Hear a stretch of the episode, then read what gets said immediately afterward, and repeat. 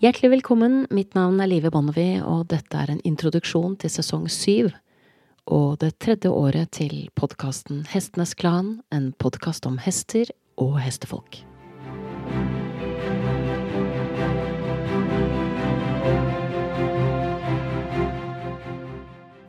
Her kommer noen stikkord om hva du har i vente denne sesongen, og la meg starte med et kort, men dessverre veldig aktuelt tilbakeblikk. På Norwegian Horse Festival på tampen av 2022 så vakte en norsk topprytter sterke reaksjoner etter at han slo hesten sin i forbindelse med en refusering på sprangbanen. Det ble grundig diskutert hvorvidt han slo med neven eller pisken, men det var vel så mye hestens respons på straffen folk reagerte på. Den hvite hesten i arenaen lignet ikke en lykkelig atlet, og er det grunn til å tro at det finnes en eneste atlet på fire bein der ute som blir lykkeligere av å bli straffet av noen som vil tvinge sin vilje igjennom. For å ta det første først, om reaksjonen til den hvite hesten vokste ut av redsel, ubehag, smerte eller en kombinasjon, er egentlig ikke interessant. Det som er interessant, er at den norske topprytteren ikke ble straffet, ettersom dommerne konkluderte med at måten hesten ble korrigert på, var innenfor regelverket.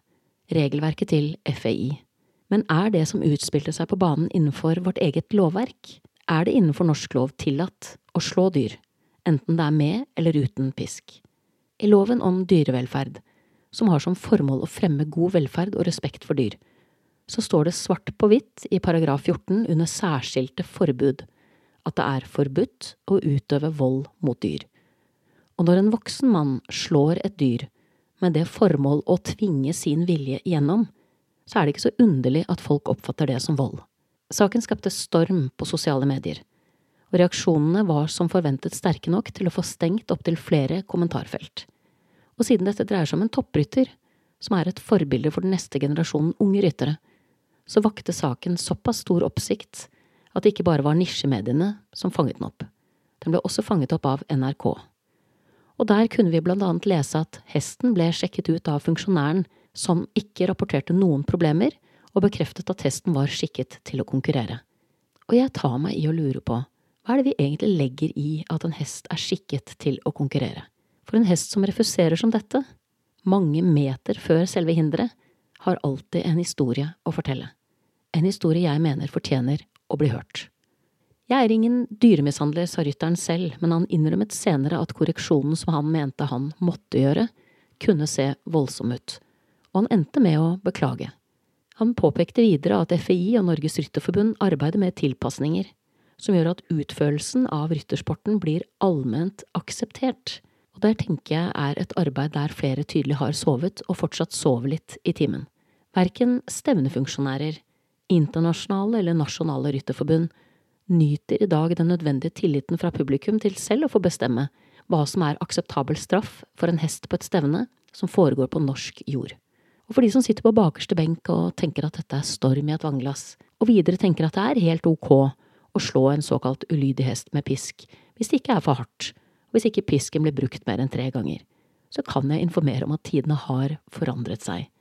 Vi har ikke med årene bare lært at mørkhudete slaver, kvinner, barn og dyr kjenner smerte. Vi har også begynt å stille helt andre krav til etikk, ikke i hestesporten spesielt, men i livet generelt. Så når det blir påpekt at pisken har en stor flate som lager høye smell når den treffer, og det blir antydet at det var lyden den hvite hesten reagerte på, så snakker vi fortsatt ikke om det vi bør begynne å snakke veldig mye mer om.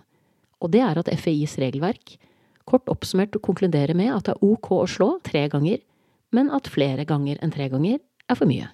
Problemet er bare at når man snakker om vold, enten den er rettet mot dyr eller mennesker, så er det faktisk mer alvorlig at den forekommer enn hvor hardt og hvor mye det blir slått.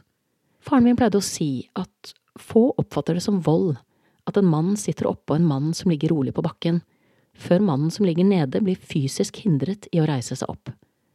Da skjønner enhver idiot at det er vold de er vitne til. Og dette er noe av kjernen i sesong syv, nemlig spørsmålet om hva som er innenfor og hva som er utenfor når det gjelder måten vi håndterer og rir hestene våre på. Og vel så viktig, hvem er det som skal snakke hestenes sak når ting ikke er som de skal? Er det veterinærene? Funksjonærene? Horslagerne? Ridelærerne? Som alle har økonomiske interesser å ivareta, Eller blir det til syvende og sist opp til helt andre å blåse i fløyta når hestene våre ikke har det bra nok? Det sagt så skal jeg ikke bruke mer tid enn nødvendig i denne sesongen på hestemiljøets skyggesider. Min viktigste ambisjon er å la deg møte hestefolk fra hele verden som er egnet til å inspirere deg til å bli en bedre versjon av deg selv. I neste uke så skal du for eksempel få møte en gjest som betrakter seg selv som tjeneren til hestene sine. En gjest som mener at det beste vi kan gjøre for unghestene, er å utvide unghestperioden så lenge som mulig, fremfor å raskt komme til målbare resultater. En gjest som problematiserer hvor fort den sterke dragningen vi føler mot hestene som barn, og vår grenseløse tillit til dem, kan smuldre bort under presset fra andres ambisjoner og kravet om kontroll til enhver tid. For uansett om du er hobbyrytter eller konkurranserytter på toppnivå, så kan du aldri få et autentisk møte med en hest ved å være noen annen enn deg selv. Du må til syvende og sist stå i ditt eget lys og stole på at det er nok. Du har nettopp hørt en introduksjon til sesong syv fra Hestenes Klan, en podkast om hester og hestefolk.